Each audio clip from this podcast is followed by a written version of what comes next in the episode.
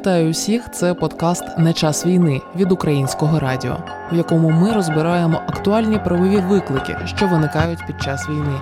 Вони можуть стати вам у нагоді. Вітаю усіх! Ви слухаєте Українське радіо. У студії працюю я, Ірина Славінська. І сьогодні на часі розмова про ситуацію з ветеранами та ветеранками в Україні. Моя гостя, до речі, пропонує їх називати іншими словами словом захисник і захисниця. В студії українського радіо Юлія Лапутіна, міністерка у справах ветеранів. І ми сьогодні будемо говорити про ветеранів і захисників і захисниць як носіїв громадянської ідентичності України. Я думаю, що ми могли би почати з думки про те, що сьогодні в Україні немає тих, хто не мав би особистого персонального дотику до війни. Коли ми говоримо про міністерство ветеранів, звичайно, це особливо правдиво про цю інституцію. Мене особисто вразила історія про центр, реабілітаційний центр ветеранів у Бородянці. Могли би трохи про це розповісти? Наскільки я розумію, він зазнав суттєвих руйнувань. Так, е, ми коли відвідали Бородянку, я була просто вражена, по-перше, стійкості наших людей, які е, до сих пір пережили е, такі трагедії, але залишилися людьми, допомагають один одного. Це просто так рефлексія від того, що я побачила. Але якщо конкретніше про центр, то дійсно наш реабілітаційний центр ветеранський було зруйновано прямим танковим влученням. Коли ми говорили з директоркою центру, вона розповідала, що це було свідоме е, ураження, бо там є відповідний напис, е, що це е, соціальна установа. Поруч знаходилася музична школа, де також очевидно, що це установа дитяча, вона також вщент зруйнована. Е, у нас е, наша будівля реабілітаційного центру це старовинна була будівля ще вона мала і історичне значення для Бородянки. Але головне для нас це життя людей, і прямим танковим влученням було зруйновано центр. І звичайно, люди загинули дві людини, які працювали в центрі. Е, вот. І багато хто з наших е, колег. Е, лишилися без житла, а директорка нашого центру, героїчна е, людина, вона три дні сиділа на стульчику біля будинку, де е, під завалами знаходилося тіло її сестри і тіло її племінника. І е, переживаючи власне горе, вона не покинула своє робоче місце. І коли створився гуманітарний штаб у Бородянці, то там виділено було приміщення майже. 10 квадратних метрів для того, щоб наші психологи, а також до них долучилися психологи-волонтери, могли надавати екстрену психологічну допомогу. І це дуже зворушливо. Ми там були, були там разом з моїми колегами з міністерства, спілкувалися, що е, після того як е, ми переможемо, е, ми маємо створити. Е, символічно створити так так званий, я це назвала Бородянка центр як центр психічного здоров'я де е, будуть приїжджати світові експерти з психології, психіатрії, будуть вивчати цей е, е, досвід е, протидії українського народу російської навалі, досвід виживання в таких умовах трагічних, але також будуть вивчати ці акти нелюдства, які чинили російські військові, е, якщо можна так їх назвати, бо це не це просто істоти, які гвалтували на очах батьків дітей, на очах дітей батьків, які різали, піджигали тіла, які зв'язували руки, е, пострілами вбивали в голову, потім знущалися над тілами. Ну це таке в 21 столітті. Просто можливо навіть про це говорити. Але мене знаєте, що ще вразило. Це там е, був один хлопчик е, в центрі з мамою прийшов по психологічну допомогу. І коли я його обійняла, він подивився на мене і сказав фразу: а ви розумієте, вони ж Шевченкові в голову поцілили і вистрелили пам'ятник.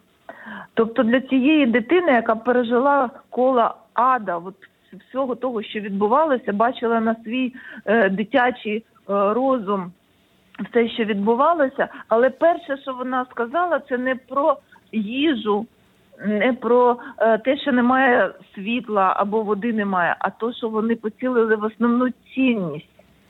Бо Шевченко для цієї дитини це вже є цінністю, і дуже важливо, щоб ми плекали це в наших дітках. І ми, коли дивишся на це, розумієш, що українська нація, попри всі проблеми, попри всі трагедії, вона народилася. Так, справді ми бачимо, що такий бойовий потенціал в наявних воєнних умовах може мати навіть поезія. Але от таке запитання поставлю. Ви вже згадали про знущання російських окупантів над українцями та українками. Я з новин про ті міста, де були російські військові, бачу, що багато де абсолютно усвідомлено шукали і цілили саме в тих людей, які мають або ветеранський досвід, або досвід госпітальєрів чи медиків, які працювали на фронті з 2014 року. І це така сюжетна лінія про українських ветеранів як силу і фактор безпеки. Ці люди мали бойовий досвід і мають його станом на 22-й рік. Цих людей явно боїться окупант сьогодні. І тут, напевно, поставлю вам таке запитання про ветеранів. Скільки їх ми мали станом на 22-й рік, і скільки, якщо ми можемо це оцінити сьогодні, матимемо їх після цього воєнного досвіду 22-го року? Е, так, ми коли говоримо про ветерана, ми е, говоримо про те, що це є носієм е, української громадянської ідентичності і цінностей. Е, звичайно, що з 2014 року е, ми маємо нову історію, коли е, Російська Федерація напала на нас, і у нас війна вже триває 8 років. Широкомасштабна війна розпочалася 24 лютого. На сьогодні кількість громадян за статусом ветеран війни, за даними органів соціального захисту населення, близько 770 тисяч осіб. І е, що можна сказати? Звичайно, що для ворога вони є найбільш небезпекою, тому що вони мотивовані. Це люди, які свідомо пішли захищати державу, і існували навіть випадки, коли в місцях, які до яких зайшли російські війська, вони ходили по е, будинках і в поштових скриньках шукали платіжки на комунальні послуги, там де було показано пільга. Е, потенційно вважали, що це міг би бути ветеран, і до цих людей заходили в квартири. Е, їх, е, якщо вони не встигли виїхати, то звичайно піддавали і тортурам і так далі. Тому ми маємо зробити все, щоб убезпечити державою дані про наших ветеранів. Так, звичайно, ці дані мають бути абсолютно персональними і конфіденційними, але все ж таки, станом на сьогодні ми можемо бодай припустити, скільки буде ветеранів в Україні після 22-го року? Е, по-перше, треба сказати, що е, поняття ветеран мені більше подобається поняття захисник і захисниця, бо у нас ще триває е, війна, і ветеран це буде можливо демобілізований після перемоги. І отримують статус ті, ті, хто були е, в бойових діях, отримують статус е, учасника бойових дій. А поняття захисника і захисниця воно ширше, адже багато людей е, пішли майже все населення України, яке е, зіткнулося з агресією, тією чи іншою мірою допомагало тому, щоб відновити суверенітет і територіальну цілісність. Тобто, у нас були і волонтери, і звичайні просто люди, які не мають жодного статусу. Вони допомагали і медикаментами, купували все, що потрібно для передавали армії. А були ті, хто вступив в сили територіальної оборони, а також добровольчі формування територіальних громад. Якщо ми візьмемо ту ж, наприклад. Е, Київщину, то там не було часу навіть на те, щоб оформлювати ці документи. І ми е, повну кількість осіб дізнаємося. я Думаю, тільки після перемоги, коли запрацюють всі наші е, електронні інструменти, і всі наші інституції на, на наповно будуть займатися саме, щоб надати ці статуси і згрупувати скільки цих людей. Але зараз можна сказати, що ми вже маємо більше 700 тисяч осіб, е, це буде в рази більше, е, тому що в деяких е, громадах вже зараз налічується біля 10 тисяч таких людей, хто вступив до на захист своєї держави. І і навіть зараз це ще не настільки важливо оформлені чи не оформлені. Ми всіх просимо людей, які вступили до лав, не встигли оформлювати це, все ж таки звертатися до е, територіальної оборони підрозділів, до е, центрів комплектування, щоб відповідні накази були е, оформлені і вони е, підготовили документи, які потім будуть підставою для того, щоб отримати статус. Тут я пропоную про це поговорити окремо. Було багато новин про те, що право на отримання статусу учасника бойових дій е, матимуть і добровольці. І вже ви згадали, що існує і тероборона, але також існують добровольчі формування територіальних громад, і вони можливо справді, особливо в найбільш гарячих е, регіонах і районах України, не так багато уваги могли звертати на оформлення паперів. Пропоную трохи поговорити про цю бюрократичну е, частину, яка буде процедура процедура? Що ми про неї знаємо для отримання статусу учасника бойових дій для добровольців? Е, відповідно до норм і Гаагської і Женевської конвенції, е, учасник бойових дій це фактично визнається комбатантом, і до цієї е, категорії людей також відносяться ті люди, хто взяли зброю в руки, коли у нього до двору, умовно кажучи, або до вулиці прийшов ворог. Е, оформлення відбувається потім, але фактично встановлюється право. Людина зі зброєю, яка у себе на подвір'ї зустріла ворога і його там знищувала і надавала відсіч, вона визнається за міжнародними конвенціями компетентом. Е, Право встановлювати е, є різним. Наприклад, якщо це сили територіальної оборони, то звичайно вони мають бути укомплектованими е, і оформлені як підрозділ. На жаль, за 30 років незалежності у нас тільки зараз, саме перед початком війни, створилися сили територіальної оборони. Якби ми цим опікувалися протягом всього всього періоду незалежності, були б відповідні підрозділи, проводилися би збори, ввівся би облік. Е, я вам скажу, що свідомо за часів, особливо Януковича, створювалися умови, щоб такі реєстри не існували, щоб не існувало от, е, механізму мобілізації людей. І ми так увійшли в 2014 рік. Але навіть з 2014 року мала би проводитися робота для того, щоб це все унормувати. На жаль, зараз маємо таку ситуацію, яка є, і звичайно ми просимо всіх, хто долучився до лав і командирів підрозділів територіальної оборони. Е, там є відповідні в центрах комплектації посадові особи, які мають вести облік, все ж таки прийти до того, щоб вести облік. Е, стосовно права на отримання статусу учасника бойових дій, ми нещодавно внесли зміни у законодавство, які надали право всім добровольцям, в тому числі добровольцям, які вийшли до складу е, територіальних громад добровольчих формувань. Е, отримувати статус. Звичайно, наша мотивація була така, що ніхто не знав, куди повернеться театр воєнних дій, і тобто потенційно право е, було надати можливо кожному, хто увійшов до е, лав. Разом з цим, звичайно, що Генеральний штаб збройних сил України визнає відповідно, де ведуться бойові дії, і статус учасника мають отримувати тільки ті, хто дійсно брав участь в бойових діях. І е, тоді відзначатиметься порядок окремо. Зараз у нас при міністерстві існує комісія про надання статусів учасника бойових дій добровольцям, в тому числі, і там е, визначений відповідний перелік документів, який потрібен для цього статусу набуття. Тобто, ми також думаємо, що в майбутньому буде відпрацьовано е, перелік документів, які потрібно надати.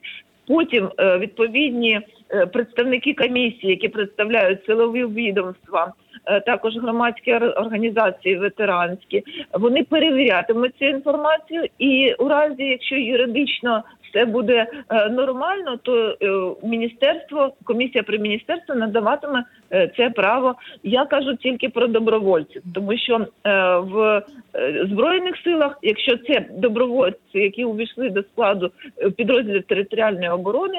Територіальна оборона є окремим видом збройних сил, тобто там буде надаватися відповідно Міністерством оборони. Якщо говорити про добровольців, то якщо я правильно зрозуміла, то потрібні документи можна буде зібрати і потім в якусь менш гарячу фазу або після перемоги.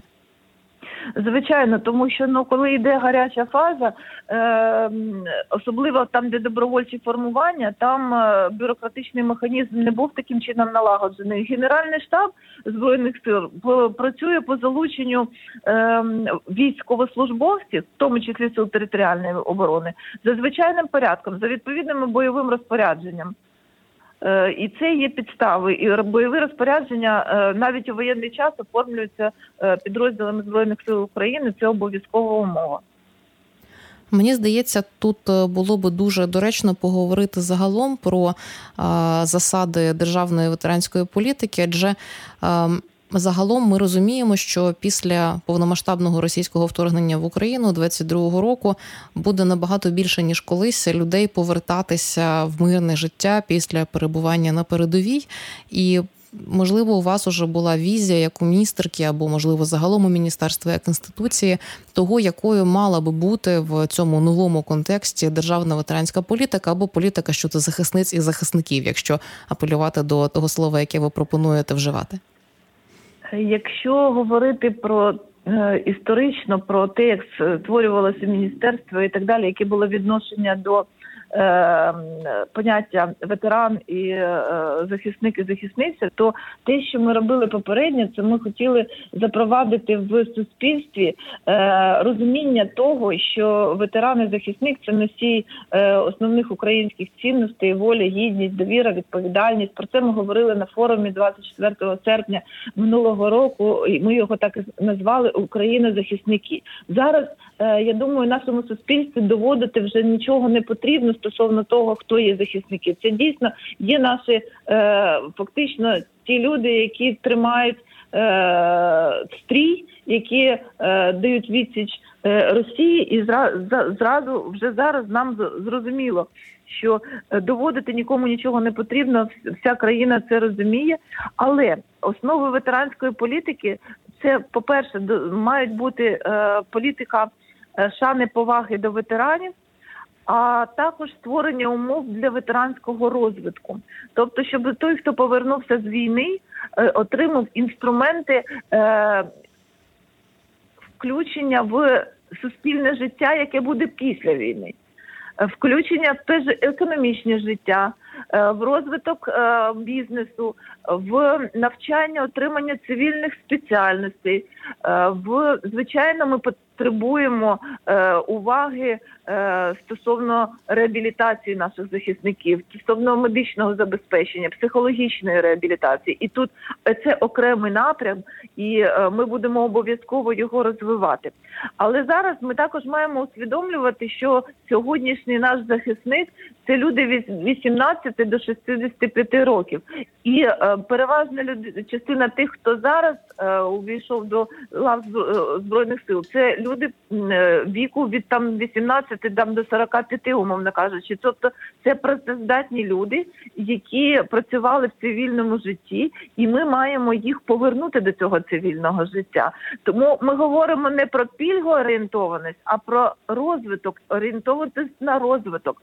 І зараз відпрацьовується е, нашим урядом е, і також е, президентом України е, так званий recovery plan – Е, план відновлення України, де ми будемо залучатися, залучати міжнародних донорів і партнерів до того, щоб допомогти нам відновити країну. Одним із напрямків є е, саме розвиток і відновлення людського потенціалу. Зокрема, і е, захисника і захисниці, і тут ми будемо на рівні взаємодії між е, парламентськими профільними комітетами, міністерствами розробляти саме ті засади, які дадуть підстави е, запровадити практичні інструменти для допомоги ветеранам е, і нашим захисникам.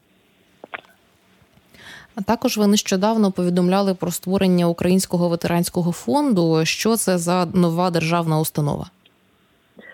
Е, да, ми розпочали. Це була моя ідея створити ветеранський фонд, коли ми подивилися ще до широкомасштабної війни, що бюджет Міністерства у справах ветеранів е, не задовільняє потреб е, повністю на ветеранську політику. Ми почали шукати інструменти, як збільшити спроможності держави у допомозі ветеранам і сприяння. І тоді створили минулого року ще на папери Український ветеранський фонд. А вже в лютому цього року він розпочав діяти фізично як е, державна установа. Е, є у нас директор фонду, є у нас персонал, вже 32 особи працює.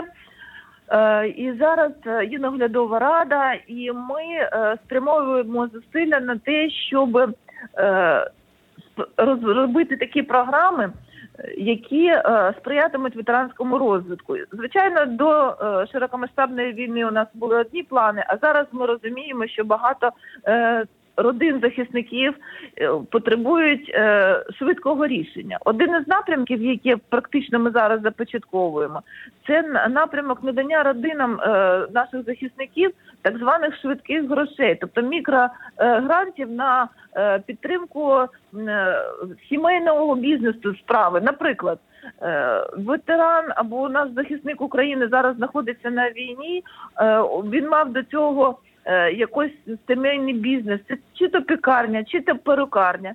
І е, дружина з дітьми поїхала і стала тимчасовими переселенцями. Ми додаємо такій сім'ї е, мікрогрант на те, щоб вона, умовно кажучи, могла е, придбати обладнання для е, своєї справи. А місцева влада, там де вона переселилася, надала їй приміщення, і е, ця людина може працювати і навіть наймати працівників для того, щоб підтримати інші родини.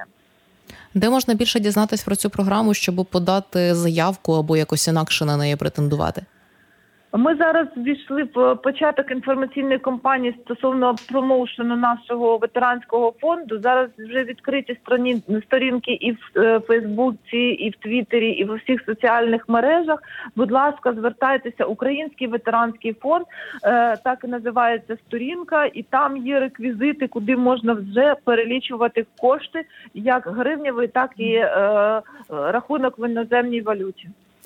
І продовжуючи нашу розмову, звичайно ж, ми не могли би говорити про війну в Україні, не говорячи про жінок на війні, про жінок у війську. Наскільки сьогодні українське суспільство розуміє, що напередку не лише наші хлопчики, але й наші дівчатка?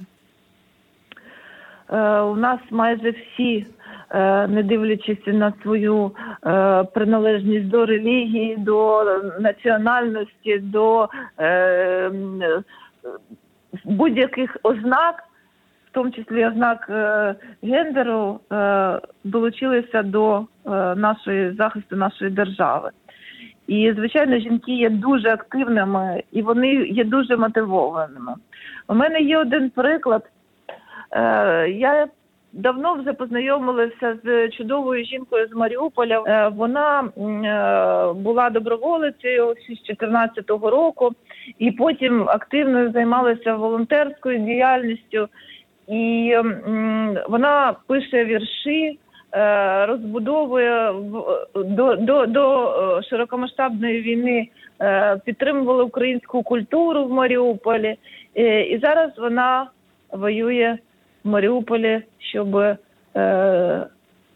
надати відсіч російському агресору. Я дуже переживаю за неї.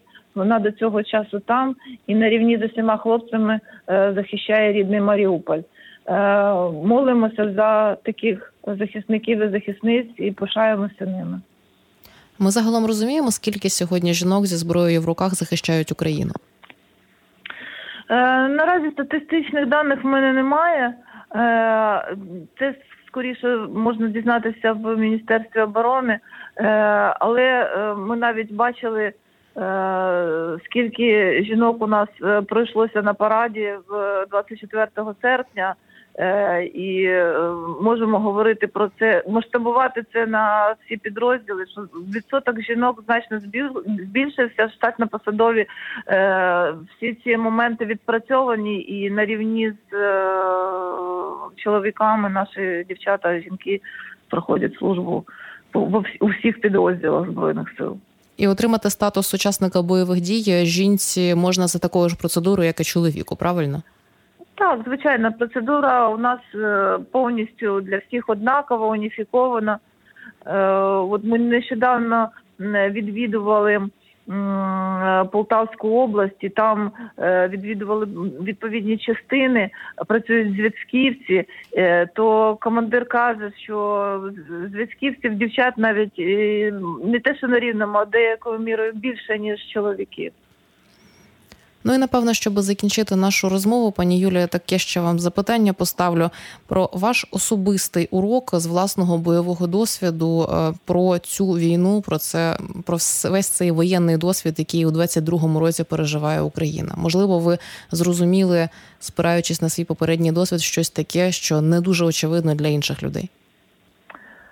Так, я 20, е, в 2014 році е, для мене війна розпочалася на Краматорському е, аеродромі в квітні, саме наступного дня після того, як об'явили початок антитерористичної операції. А цього року е, ця війна 24 лютого мене також зустріла на Краматорському аеродромі. Це був перший вибух. Ми там були у відрядженні, е, і е, відрядження було про ветеранську політику в регіоні, про розвиток ветеранської політики і так далі. Але війна змінила.